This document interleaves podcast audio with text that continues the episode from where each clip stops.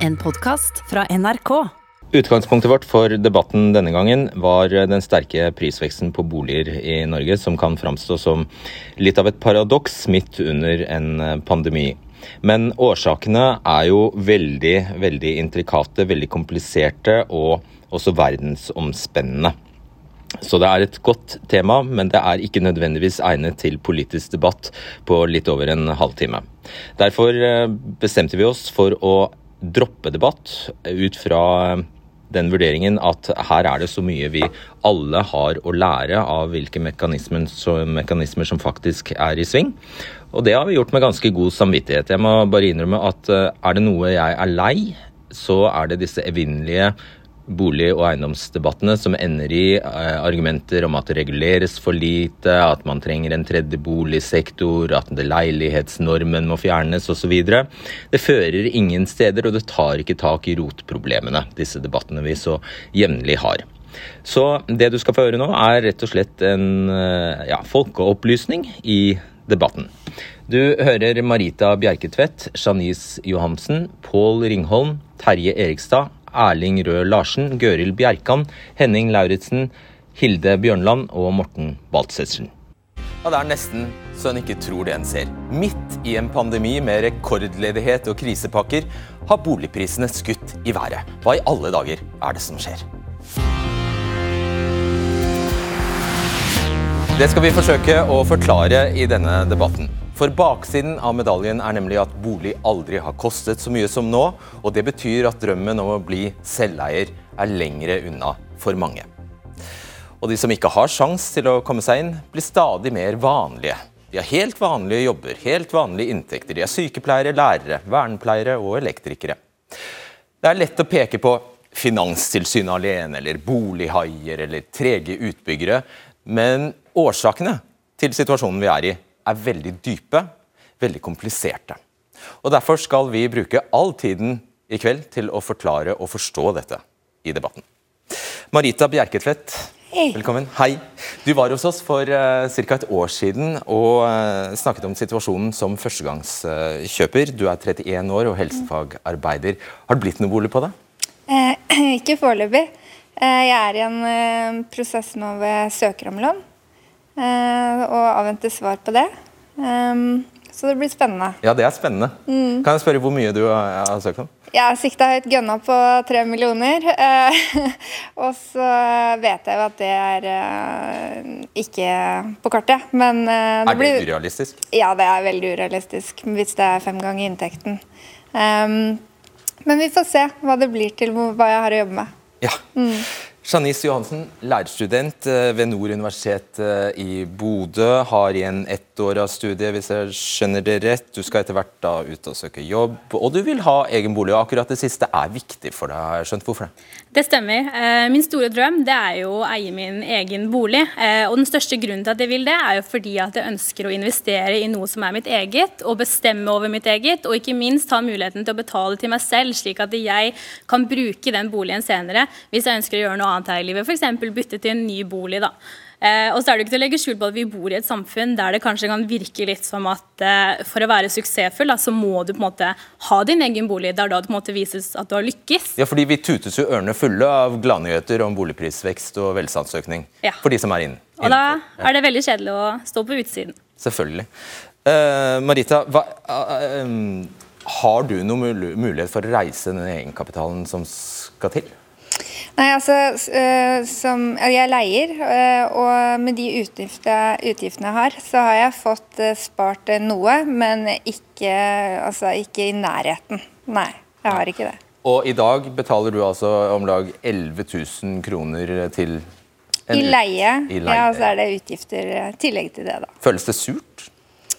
Eh, både og. Jeg er vant til å, til å, leie, men eh, det ville selvfølgelig føltes eh, tryggere og, og, bedre å kunne se på det som en investering til noe som en dag tilhører meg, og kanskje mine barn igjen, hvis det er i horisonten. Ikke sant? Hva er utsiktene dine til når det gjelder egen... Du, du, du har spart, uh, spart, noe? Ja. Jeg var jo så heldig at jeg fikk meg jobb første måneden som jeg flytta til Bodø for å studere. Så jeg har jo hatt mulighet til å spare hvert eneste år. Eh, men jeg er jo fullt klar over at det er veldig mange studenter som ikke har den muligheten. Eh, mange må jo ta seg BSU jobb. da, eller? Ja, BSU får jeg spart opp i hvert eneste år. eh, Og fylt opp den. Men for mange andre så må de jo ta seg jobb bare for å måte, få dekket de faste utgiftene. Da. Så jeg har på en måte vært heldig i den situasjonen her og veldig målbevisst i bruken av penger. Men eh, som student så er det jo ikke akkurat realistisk å kunne spare opp egenkapital til å være klar til å komme ut. Og hva er løsningen da, egentlig? Ja, løsningen da, det er jo et veldig godt spørsmål. Veldig mange tyr jo til mamma og pappa f.eks. og går inn og får kausjonister og sånne ting. Men det er jo ikke mulig for alle sammen, det heller. Eh, så man må jo jobbe målrettet og bevisst da, og få spart opp på egen hånd. Eller så er man de som har flaks og har mulighet til å få hjelp. Ja.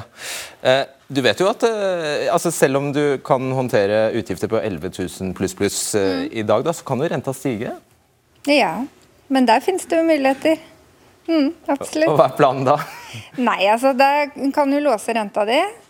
Det er jo en mulighet. Eh, Snakke med banken. Klarer du ikke å håndtere lånet ved en rentestigning, så må du selge, da. Starte fra på nytt. Og det vil du mentalt være forberedt på, tror du? Eller? Ingen vil leve over evne, og ingen vil stå med ingenting. Så klarer du ikke å betjene det lånet du har, så må du ta tøffe valg. Ok, Siste. Hva, eh, Bodø er jo faktisk eh, en veldig dyr by. Der har det, det altså, ja, For de siste tolv månedene har Bodø-regionen faktisk hatt en vekst på 4,9 Må du bo i sentrum der? I sentrum, eh, du må jo egentlig ikke bo der. Og så er det jo også sånn at eh, jo lenger utenfor sentrum, akkurat som alle andre deler i landet, jo billigere blir det. Eh, men det som er interessant, jeg som er interessert i boliger, har jo sett på det helt siden jeg flyttet opp. Og hvis du ser på f.eks. Mørkved, 10 km utenfor Bodø, så har på en måte prisen på den samme leiligheten steget med 300 000 minst bare de årene jeg har bodd der og studert der. da. Uh, og det er også et stykke utenfor igjen, så det virker som at uansett uh, hvor du skal ha, så stiger det jo hele tiden. Jeg kan ikke gjøre annet enn å ønske dere lykke til. Takk for det. Takk. Takk for at dere kom. Ja, Umiddelbart kan det kanskje virke som en god nyhet at rentene er rekordlave. Mange vil muligens tenke at de endelig har råd til å ta lån. Men det fungerer faktisk i realiteten stikk motsatt. Lav rente gjør at de som har, får mer, og de som ikke har, får relativt mindre. Pål Ringholm, analysesjef i eh, Sparebank1 Markets. Over hele verden har sentralbankene nå satt renta enten i null, nær null eller til og med i minus. Hvorfor gjør de det? Ja, så I vår del av verden så er det som du sier, så er renta eh, negativ eller null, eller rundt der. Eh, og Det skyldes at vi har hatt den største globale økonomiske nedgang siden 30-tallet. Og så, måtte, så er renta det som fungerer raskt på økonomien, og den blir satt ned fra det allerede lave nivået den var på. Og der er vi der vi er, med alle de bivirkninger null rente gir. Og for ordens skyld, dette skjedde før koronaen og etter finanskrisen. Eh, Det har vært en lang trend med ting som driver det, men den siste nedgangen også i Norge har kommet nå inneværende år etter, etter korona. Etter pandemien. Ja. Hva skjer egentlig når man har negative renter? Veldig rart. Ja, Gir banken deg penger, da? Eh, hvis bankene tar det her helt ut, så kan det ende med at de tar penger hos deg når du setter innskudd i banken. Det gjør det ennå ikke i Norge. Men det er en masse sett av leieeffekter av nullrente eller negativ rente. Og En av de som du nevnte, da, det er jo at de som er de superrike, blir enda mer superrike. Eh, eh, og, da blir det bobler i, i både teknologiaksjer eller bolig, og da er det veldig vanskelig å spare til sin pensjon, fordi at du blir ikke rik av null, du blir ikke rik av null rente. Og så er det sånn at for bankene, tilbake til bankene igjen, så viser veldig god forskning nå at hvis renta er der vi snakka om, på null eller negativ, så begynner de å låne ut mindre penger enn de gjorde før. Og det får selvfølgelig eh, store konsekvenser for hele samfunnet. Absolutt. Mm. Og bare for, at, for, for å få det inn med teskje Det som skjer altså når renta blir så eh, lav, det er at eh, pengene de som har penger, de vil da investere i mer eiendom. De som allerede har eiendom, vil da investere i mer eiendom, hvilket driver prisene. Eh, I veldig mange steder i verden har det skjedd, ja. Nettopp. Terje Erikstad, finansredaktør i Dagens Næringsliv. Hvilke andre årsaker til den norske boligprisveksten ser du som er helt globale? Altså egentlig utenfor vår, vårt, eh, vår kontroll? Da. Ja. La meg starte med å si at et boligmarked egentlig alltid er lokalt. Og bare i Norge så er det ikke ett boligmarked, det er flere. Stavanger der steg prisene med 1,6% siste tolv måneder.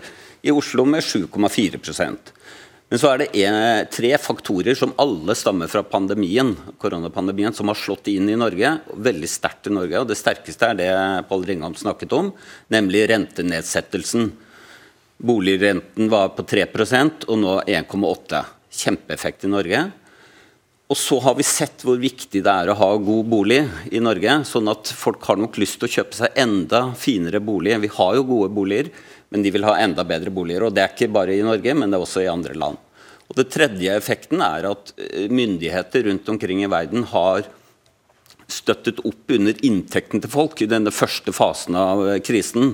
Så selv om ledigheten har eh, gått til været og, og folk har det på en måte verre, så har f.eks. avdragsutsettelser, lettelser i låneforskrifter, skatter osv. sørget for å gi et push til boligmarkedet også i Norge. Og det driver også boligprisen opp. Det gjør det. Da skal jeg henlede oppmerksomheten til ditt eget kart, for så vidt. Det er du som har brakt det, brakt det med hit. Eh, og hva, Erikstad, er det, det, her er det plottet inn en, ja, noen utvalgte byer i, uh, i, på flere kontinenter, uh, kontinenter, her. Hva er det vi ser her? Det vi ser her nå, er eh, tallene fra en undersøkelse med, eh, som en av de største bankene i Sveits gjør hvert eneste år, hvor de ser på boligmarkedene i 25 større byer i verden og klassifiserer dem etter hvordan eh, prisene er. Om det er eh, si, fair pris, om det er undervurdert eller overvurdert, eller endog bobleterreng. Da. Og Det er jo de røde vi ser, som er boble. Ja, Det er ikke bra. Ingen vil ha bobler, for de kan sprekke. Og vi ser, skal bare merke oss at uh, Stockholm er litt ille ute her. Gull? Det er uh, litt faresignal. Det er overvurdert ifølge den banken. Dette er jo ikke noe fasit, men, men av, av, de 25 så var 7 i bobleterreng, 11 var overvurderte, og kun én by var si, undervurdert. Da. Og Det er jo en indikasjon på at dette er et globalt fenomen, Det og det vi snakker om også her i Norge, med veldig raskt stigende boligpriser. Ikke sant. Ringholm, effekten av nullrente kan altså bli den stikk motsatte. Du var inne så vidt innom det. Kan bli den stikk motsatte av det politikerne og sentralbankene ønsker. Hvordan da?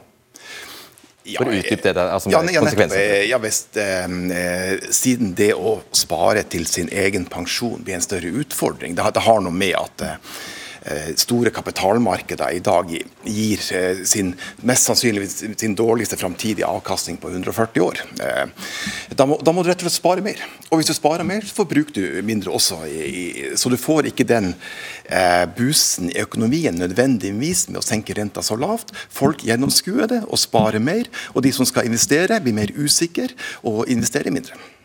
Og du mener faktisk at nå, fordi I Norge så hadde vi for så vidt uh, en, uh, ikke nødvendigvis uh, de forutsetningene som skulle tilsi null eller så lav rente som vi har. Men vi har importert det lave rentenivået bl.a. av frykt for at krona skulle gå helt berserk. Ja. Du mener at vi ikke hadde trengt å gjøre det? Nei, altså vi har, eh, Hvis du tar renta og trekker fra inflasjon, så får du en realrente. Og Vi har den laveste realrenta i hele vestlig verden. Og den norske krona er det vrakpantordning på. Den er så svak at den kan godt styrkes. Så, den, så, det, så selvfølgelig kunne vi hatt en høyere rente enn vi har i dag. Med hvilken konsekvens da? Det har noen leie konsekvenser. Da vil ikke boligprisene stige så mye som Terje har sagt. Men det kan vi kanskje leve med. Og som bankmann så vil du selvfølgelig ønske det? Ja, Det er ikke nødvendigvis det kan jo bli tap og sånt, men eh, det er bedre å ta litt tap nå enn et større en gang i framtida. Hmm. Takk for tanken, eh, om ikke annet. Og Terje eh, Erikstad, denne selveiermodellen som vi hegner om i Norge, som vi skal komme mer innom, den er altså utfordret av helt sånn strukturelle, globale tendenser. Er det, er det rimelig å si? Ja, det er rimelig å si. Eh, dette vi jo, ser vi jo land etter land, at det oppstår et voldsomt klasseskille mellom de som er innenfor, og det gjelder jo f.eks. i arbeidslivet, ikke minst, og de som er eh, innenfor eller utenfor i boligmarkedet. Eh, og det er klart, Urbanisering er en medvirkende årsak, men også manglende boligpolitikk med å rett og slett tilby tilstrekkelig med boliger til en akseptabel pris. For det er klart at når du får veldig mye mer kjøpekraft ved at renten går ned, og tilbudet av boliger er det samme, så går prisene sånn. Fordi det, og det siste du er innom der, er at det bygges jo ikke ut i samme takt som etterspørselen øker. Nettopp. Nettopp. Jeg sier tusen takk for, eh, for Ja, det var veldig opplysende, må jeg si. Takk skal dere ha. takk. Som vi så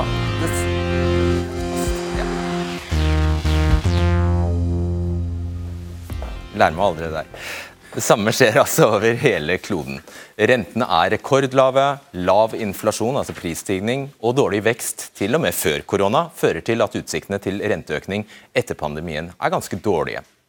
Men det er flere verdensomspennende tendenser som gjør seg gjeldende også i Norge, og som har direkte konsekvens for boligprisene våre. Vel møtt til Erling Rød Larsen, Eh, forsker på boligmarkedet, til Hilde Bjørnland, professor i samfunnsøkonomi, til Henning Lauritzen, som representerer eiendomsmeglerfirmaene, og til Gøril Bjerkan, siviløkonom og jurist.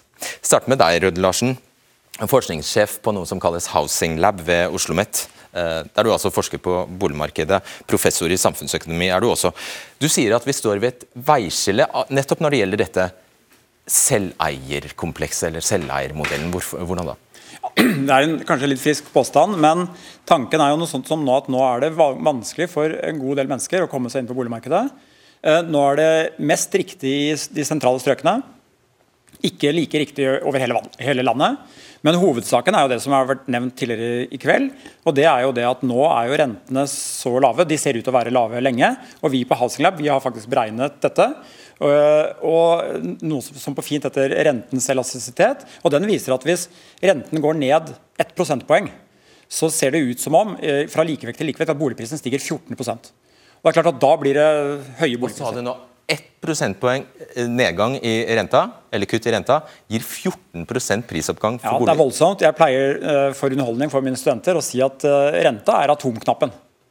Jøye meg kan jo hende at noen ikke helt går god for, eh, for, eh, for det regnestykket eller den modellen. Ja, Vi er jo økonomer, så vi krangler om det meste. det er... og det er på en måte vår kvalitetstegn. Ja. Så vi er åpne for innspill. Så hva vil du si er den aller viktigste Hva er det vi ser skje i hele verden, i store, i, i, i urbane strøk? Ja, kan si Det som er viktig nå for å forstå boligmarkedet, det er at det, renten den virker jo overalt. Alle områder i Norge vil jo renten virke på. Likevel er det store regionale prisforskjeller. og Da må det jo noe annet komme til for å forklare det. Og Det er altså det at vi ser en, en, et ønske om å bo sentralt. Befolkningen ønsker å bo sentralt, samtidig som det ikke er like mange boliger uh, som tilbys der de ønsker å bo. Og Da får en mismatch, eller en mangel på det man etterspør. Og Da er det sånn økonomi, da, da er det prisene som fikser dette.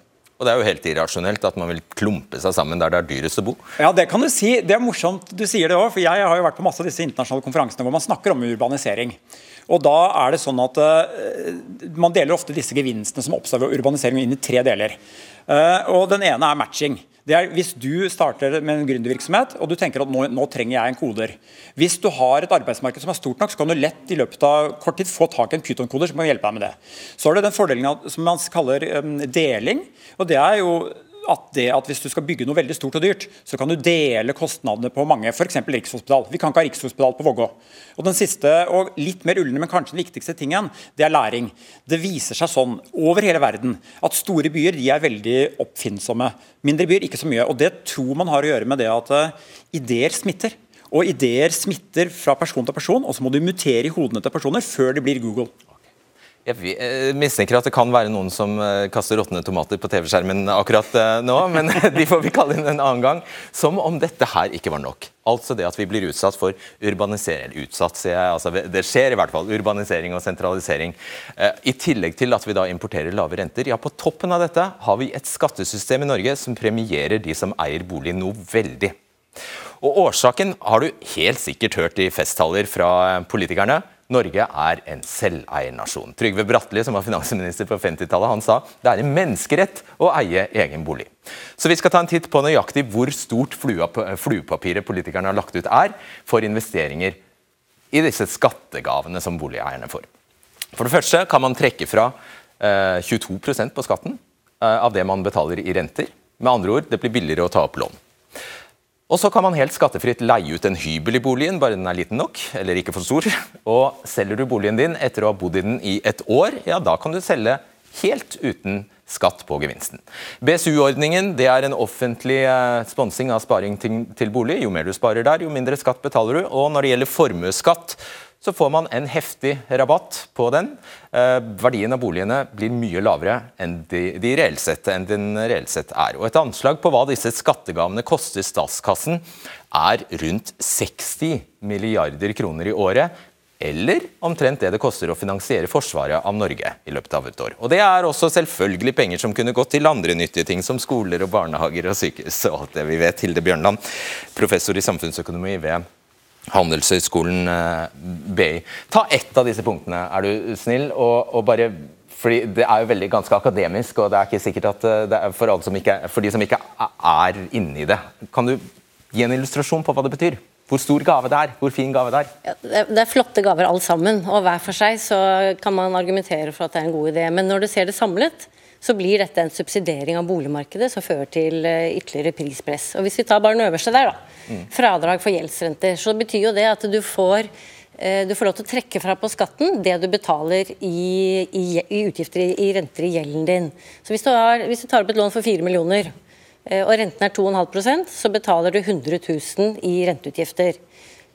22 000 av de betaler staten for deg. 78 000 betaler du selv. Hvorfor gjør staten det? Nei, for, dette er en gammel ting som hang igjen fra den gangen hvor du måtte betale, hadde et annet skattesystem, og da skulle dette gå mot noen andre skatter, inntektservervelse og den type ting.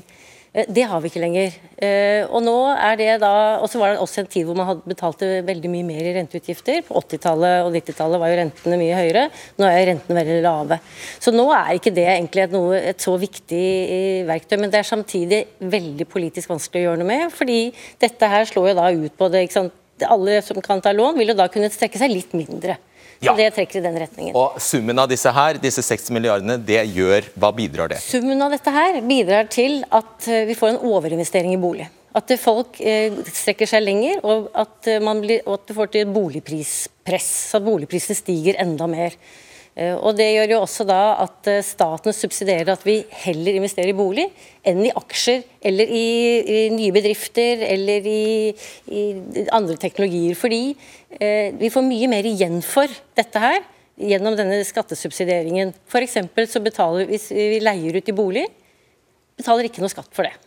Inntektene du tjener på å leie ut i din bolig, du, betaler du ikke noe skatt på. Og Hvis den boligen stiger med 20-30-40-50% som de nå har gjort i noen år nå, i, i, sum, så betaler du ikke noe skatt på det. Men aksjene dine, når de stiger i verdi, den utbytt på det, det betaler du skatt på. Så det er klart at Hvis du har penger og skal investere det for å tjene på det, det er der. Yes. Ok, Boliglånsforskriften er um på mange måter det første hinderet kan man si, en låntaker må passere for å komme inn på boligmarkedet. Og denne Forskriften sier at du må ha en egenkapital på 15% av kjøpesummen, samt at du ikke får lov til å låne mer enn fem ganger inntekten din. Og Nå skal vi se på hvordan dette ser ut i praksis, for det har nemlig Eiendom Norge eh, gjort. De har regnet ut eh, det. Og Da snakker vi om den såkalte sykepleierindeksen, som måler hvor stor andel av de omsatte boligene en singel sykepleier får finansiering til å kjøpe. Og følg med nå. Først ser vi at sykepleierindeksen med dagens eh, regelverk viser at eh, Og dette er med en lånegrense på 5% Da kan 32% av sykepleierne i Norge kjøpe Eller en sykepleier vil kunne kjøpe 32% av boligene i Norge. Men med Finanstilsynets nye forslag så blir dette redusert til 22 i Bergen kan en sykepleier kjøpe 34% av boligene.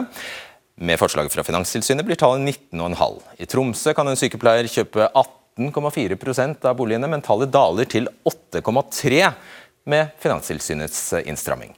Går vi til Stavanger, ser vi at sykepleierindeksen ligger på 33,8% og faller til 20,8% med forslaget fra Finanstilsynet. Og i Oslo kan dagens sykepleier kjempe om skarve 3,1% av boligene. Med tilsynets forslag null. De er nesten helt ute fra boligmarkedet i hovedstaden. Da er tallet 0,9% og Morten Balsersen, velkommen til deg, direktør i Finanstilsynet, opphavsmannen til disse forferdelige greiene her. Du vil altså gjøre det og det er det vel ikke noe strid om. Du vil gjøre det vanskeligere for førstegangskjøpere å komme inn på markedet. Det er jo ren symptomlindring. Du tar jo ikke tak i noen av de store årsakene som vi har snakket om til nå.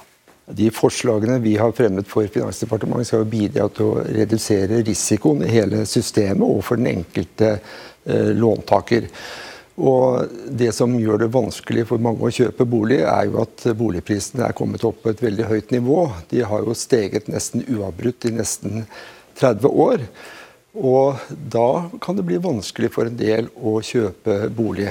Ja. Men da å eh, løse dette ved å la mange ta opp veldig store lån for å kjøpe bolig, så eh, utsettes de for en risiko, og hele systemet også for en risiko. for da blir Det er litt sånn paternalisme du driver med? litt sånn dette er risiko, uh, dette er risikoforebygging. for fordi da er man sårbar hvis renten øker, hvis boligprisen skulle falle.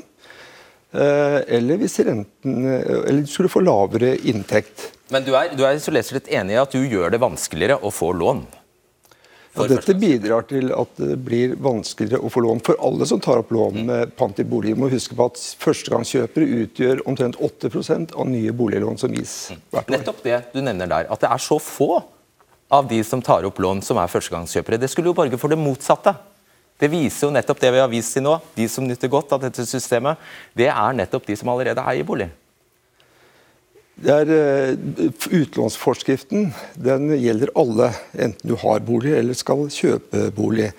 Og Du kan være sårbar eh, om du låner mye, enten du har boligen allerede, eller om du tar opp lån med pant i en bolig du skal kjøpe. Ja, men Nå argumenterte du for at det var av hensyn til førstegangskjøperne, i hvert fall i det første svaret ditt?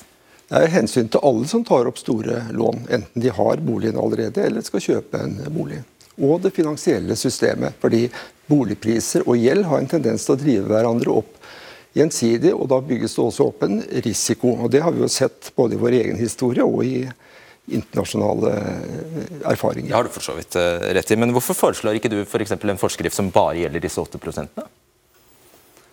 Eh, dette skal forebygge sårbarhet, og da knytter vi det til om du har mye lån i forhold til boligens verdi, om du har mye gjeld i forhold til inntekten din, og om du har svak evne til å tåle renteøkning. Senkes boligprisene av det du foreslår? Eh, dette bidrar til lavere etterspørsel etter boliger, slik at boligprisene blir lavere enn de ellers ville ha vært. Vet du det? Ja, at det er det som skjer?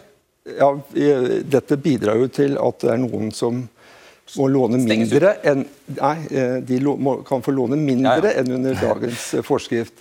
Og alt annet likt så innebærer jo det også at etterspørselen etter boliger også blir lavere enn ellers ville ha blitt. Og da blir også prisene lavere enn de ellers ville ha blitt. Det er jo slik at eh, Med høyere boligpriser så øker panteverdiene. Da er det mange som ønsker å låne mer, og da vil banken gjerne også yte mer lån.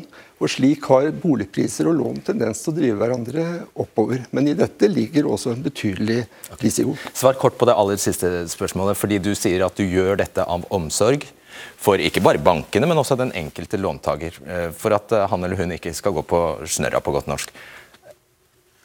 Har du også i ditt mandat at du skal ta hensyn til at det kan oppstå klasseskiller, varige generasjonsklasseskiller her, som følge av at noen stenges ute? Vi skal bidra til eh, finansiell stabilitet og forebygge sårbarhet både hos den enkelte og i hele systemet. Og dette forslaget vårt vil bidra til det. Nå er det lett å forstå nei, jeg må for, forklare. Det er lett å forstå at når vi har hatt så lang periode med boligprisoppgang, og hvor vi ser at det er mange som har tatt opp lån for å kjøpe bolig og har hatt gevinst med dette, da blir det lett slik at man tror at dette vil vare evig, og at det er viktig å komme inn. Men vår egen erfaring og andre lands erfaring viser at dette er også risikabelt. Å ha høy gjeld, og eh, med, selv om du har bolig, så kan boligprisene falle mye. Det har vi erfart. Og det fører mange opp i gjeldsproblemer. Og det er store belastninger både for samfunnet og den enkelte. Tusen takk. Henning Lauritzen, du er administrerende direktør i Eiendom Norge hvilket er en interesseforening ikke for hver enkelt eiendomsmegler, men for eiendomsmeglerforetakene, altså selskapene. Hvor dramatisk er dette prishoppet som vi har sett i, det siste i Norge? Jeg vil jo kanskje si at uh, før, finans, før, korona kom, så hadde vi to-tre år med veldig moderat prisutvikling. Og Det er kanskje det beste for alle som er på boligmarkedet. Altså Man holder tritt med boligprisveksten. Lønn, kostnader osv. holder tritt. Og Så har vi hatt et lite hopp nå etter vi fikk nullrenten. Så nå har boligprisene for Norge steget 5,8% de siste tolv månedene. Og Det er ikke så dramatisk i seg selv, for vi tror nok det kommer til å flate ut fremover. Og så er det et lite unntak, for som Erling sies, bare før du fortsetter, det skal også sies at dere er veldig dårlige til å spå. Ja, det, det, er jo sånn at Alle vi som spår, vi, bom, vi, vi, vi bommer jo ofte kraftig. Vi klarte ikke å forutse korona f.eks., eller virkningen ja, ja. av det. Eh, men som, som, Erling Rød Larsen sa her, så, så, urbaniseringen den gjør jo at boligprisene stiger mye mer der hvor det er for få boliger. Det kommer vi tilbake til. Jeg skal bare introdusere Gøril Bjerkan, siviløkonom og jurist. Du har sittet i hovedstyret i Norges Bank. Det er de som setter renta. Og uh, Du jobber nå i LO, men i denne sammenhengen så, uh, så er du her som deg. får vi si. I en kronikk i Dagens Næringsliv så skriver du at uh, den egentlige synderen her, altså synderen bak dette utslaget boligpris, høy boligprisvekst, er lavrentepolitikken. I hvilken grad mener du Norges Bank kunne forhindret det? Det er egentlig et, eh, en del av et mye større spørsmål. Eh, rentepolitikken til Norges Bank er, eh, er innrettet slik at den skal sørge for en lav og stabil inflasjon. Det, det, det har rentepolitikken gjort i, i, Norge, som i de fleste andre land vestlige land eh, siden ja, slutten av 90-tallet i Norge. Med, med, så, så, Norges Bank gjør egentlig bare det de eh, skal gjøre, det de har fått i mandat å gjøre. og Mandatet deres er å sørge for en lav og stabil inflasjon, altså lav og prisvekst. stabil prisvekst. Men da kommer det viktige, det er ikke prisveksten på, på formuer de styrer etter. Det er ikke prisveksten på boliger. Varer og tjenester. Ja, på varer og tjenester som, eh, som, eh, konsumentene konsumerer. Men Betyr det, det, da at hovedstyret i Norges Bank bare egentlig ikke bryr seg om altså, eh, eiendomsmarkedet og boligmarkedet når de setter renten? Ja, de, de, skal også skje i, i, den siste altså Det skjedde en endring i den pengepolitiske forskriften nå nettopp. Eh, og da skal de også skjele hen til finansiell stabilitet. Så de har ikke kun dette prismålet på 2 Eh, men eh, de skjeler hen til finansiell stabilitet, akkurat som eh, Baltzersen nå forklarte at Finanstilsynet gjør. Eh, men de tar ikke hensyn til den ulikheten som oppstår på boligmarkedet som følge av eh, lavrentepolitikken. Så det blir på en måte politikernes problem, da? Nettopp. Mm. Da, da, må det andre politiske verktøy til. Og, og, det var noe av det jeg tok opp i den, uh, i den kronikken. At, og, og, som du også sa, altså vi har i alle år siden uh, ja, oppbyggingen av landet etter andre verdenskrig, så har vi hatt en, stab, hatt en politikk som uh, hvor alle, på tvers av alle politiske partier eh, om at eh, det er bra å være selveiere. Du kan si det har vært en del av um, den norske velferdspolitikken også, på samme måte som et godt og stabilt trygdesystem og en del av den norske så, og den nordiske modellen. Så det er dramatisk hvis er en gjeng sykepleiere ikke kan ja. oppnå denne drømmen? Det er dramatisk, og, og, og det, det, det, som er dramatisk også, det er måten det slår ut på. For det er først og fremst de unge nå som, eh, som faller utenfor. Uh, og nå etter korona, så Man kan også si at uh, det er også de unge som i størst grad bærer byrden ved koronatiltakene. Fordi de ikke får seg jobb, fordi de ikke får studert, fordi de ikke kommer seg videre i livet. Så, så, så mm, ja, det, jeg tenker dette er dramatisk. Stemmer det med de tallene dere sitter på? Eh, det er nok eh, de unge i ganske stor grad, men det er også enslige forsørgere, altså folk som skiller seg osv., som vi ser en, eh, ganske stor forekomst av på leiemarkedet, som, som kanskje det man kan kalle ufrivillige leietakere. Så, så, gruppene er litt bredere, men, men, de har jo til felles at noen steder er boligprisene så høye at vanlige inntektsgrupper kan slite med å komme inn på markedet. Mm. Og så vil vel så kommer den vanlige innvendingen der det er ingen menneskerett å bo på Grünerløkka, Rød Larsen. Men eh, er det det? Nei, det er jo ikke det. Men det som vi må tenke på er på en måte, hva har Norge å tape på at vi har innrettet boligbeholdningen sånn som vi har? Eh, og det som er aller viktigst kanskje i hele på en måte, kveldens greia, det er at eh, for at Norge skal fungere godt, så må arbeidsmarkedet fungere godt. Og For at arbeidsmarkedet skal fungere godt, så må boligmarkedet fungere godt. Den store frykten er at vi får dårlig eh, matching mellom bedrifters behov og arbeidstakernes ferdigheter. En eller annen form for kall det misallokering eller feilplassering av talent. Så Det som jeg eh, ligger våken om natten og tenker på, i hvert fall nesten, det er det at vi, Norge kan gå glipp av pga. dette her, at vi har en mulig gründer, en, en person med kodeferdigheter som skal lage Norges nye Google, eller enda råere, en biolog som går med tankene om den nye kreftkuren. Istedenfor å drive med det som deres talent tilsier, mm. så flytter de ut av Oslo, gjør noe annet, og så mister Norge de talentene. Nettopp. Og Det er jo så banalt som at sykepleieren som skal jobbe, jobbe på Rikshospitalet, hun, uh, han eller hun bør, jo bo i nærheten av Oslo, i hvert fall. Ja. Uh, Bjørnland, Nesten alle økonomer er enig i det du sa eh, i sted. Mm. At det er fornuftig å vri beskatningen over fra, eh, fra eller, Mot eiendom. Ja, til eiendom, som blir det. At det er smart. Hvorfor gjør ikke politikerne det? Nei, for Det er upopulært. Eh, fordi at man får den type debatt som vi har her. At det slår skjevt, og at det vil ramme noen som er i starten av, eh, skal, starten av livet og skal begynne å kjøpe seg inn i boligmarkedet.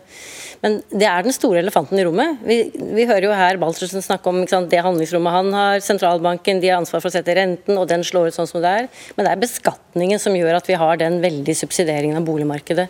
Og så lenge ikke politikerne vil gjøre noe med eiendomsskatten, så bør de gjøre noe med rentefradraget. Det burde de i hvert fall gjøre noe med. Hva tror du skal til? Jeg tror Norge står overfor mange store utfordringer fremover med en aldrende befolkning og mindre oljeinntekter. Jeg tror ikke vi kommer til å gjøre så mye før vi står foran en eller annen erkjennelse, en litt større krise enn det vi er i nå. Og Da, det, da kommer skatt på bordet, og da kommer utgifter på bordet. Og Da kan man kanskje se at oi, her driver vi og subsidierer var det 60 milliarder du sa? Her subsidierer vi boligmarkedet eh, istedenfor å få til at eh, flere investerer i bedrifter i teknologier som eh, Erling Rod Larsen var inne på, eller at eh, flere kjøper aksjer, og at vi blir mer, og at vi ikke skal bli så sårbare. Kniven på strupen. Kniven på strupen. Huff. det, ja, det er deprimerende hvis du har rett. Det er jo trist, for ja. De andre landene har ikke subsidiert boligmarkedet så mye som vi har gjort i Norge. Lauritsen, så til det du eh, kanskje er mest eh, opptatt av, nemlig dette, denne Ja, det er altså mangel på boliger. Og der mener du at clouet her er Ja, hva er clouet? Eh, det, det vi ser i pressområdene, altså i eh, urbaniseringen, fører jo til at folk flytter til byene. Ta Oslo som eksempel nesten 200 000 nye innbyggere på 20 år. Og så har man bygd 60 000 boliger. Og I Oslo så bor det altså, eh, i snitt under to personer per husstand. Det fører helt åpenbart til at man driver prisene oppover. Og også får et behov for en boliglånsforskrift, fordi prisene går opp mer enn nødvendig. Så, så, man kan kanskje si at i mange av pressområdene så er problemet egentlig at det er for få boliger. Og Får vi nok boliger, så får vi også bukt med deler av prisproblemet. Veldig kort til det. Ja, Vi har estimert uh, elastisiteten her, og vi kan fortelle at hvis vi klarer å bygge 10 000 boliger i Oslo, så vil boligprisene falle 10% Ja, ser man det. ok, uh, Bjerkan, Er det sånn at dette, at dette selveierkredoet, eller eh, hva kan man kalle det, dogme nesten, er det, er det rett og slett for gammeldags? Må vi kvitte oss med det? Uh, hvis vi skal ha det, så må vi iallfall innrette politikken uh, slik at vi kan opprettholde det. Og, tilbake til det Hilde snakket om, disse store subsidiene for selveiere. Jeg tenker at Problemet med det er ikke først og fremst at vi subsidierer selveiere, dersom alle er selveiere. Problemet nå er at det er bare en del av befolkningen som får disse subsidiene. Eh, jeg tenker nok at eh, en politikk eh, som går ut på at store deler av befolkningen, eller de som ønsker det, skal, skal eie sin egen bolig, er en god del av altså en, et godt vare. Ja, det er en fin ting ved velferdspolitikken mm. som vi har hatt i Norge, og som vi er veldig stolte av, den nordiske modellen. Men, men, men, det vi ser nå er en voksende ulikhet, og den må, må andre deler av politikken ta tak i. Hmm. Ellers så ja, sprekker det. Ja, og Det var et bevisst valg å ikke invitere noen politikere hit, nettopp for at vi skulle kunne snakke om dette og bli opplyst om hva problemene faktisk består i. Tusen takk for at uh, dere kom, og tusen takk for nå. Vi er tilbake med en ny utgave av Debatten på torsdag, og hvem vet, kanskje vi da kan diskutere de mulige løsningene på dette vanskelige boligmarkedet. Det er litt fascinerende å eh, registrere at etter en sånn sending, som det da ikke er særlig debatt i, så er det mye roligere på sosiale medier, på Twitter f.eks. Veldig mange færre reaksjoner, og det var eh, forventet. Og for så vidt så er det også sånn som det skal være. Det er jo ikke så mange meninger, kontroversielle meninger, å eh, svare på i en sånn sending som dette er. Hvis det ikke skjer noe dramatisk eh, innen torsdag kveld, eh, så tror jeg vi holder på planen om å invitere til politisk debatt om eh, dette viktige temaet på torsdag. Men hvis det blir eh, atomkrig eller russerne finner på noe sprell, så kan det hende vi må ja, snu om. Uansett, takk for at du hører debatten på podkast, så høres vi. Du har hørt en podkast fra NRK. Hør flere podkaster og din NRK-kanal i appen NRK Radio.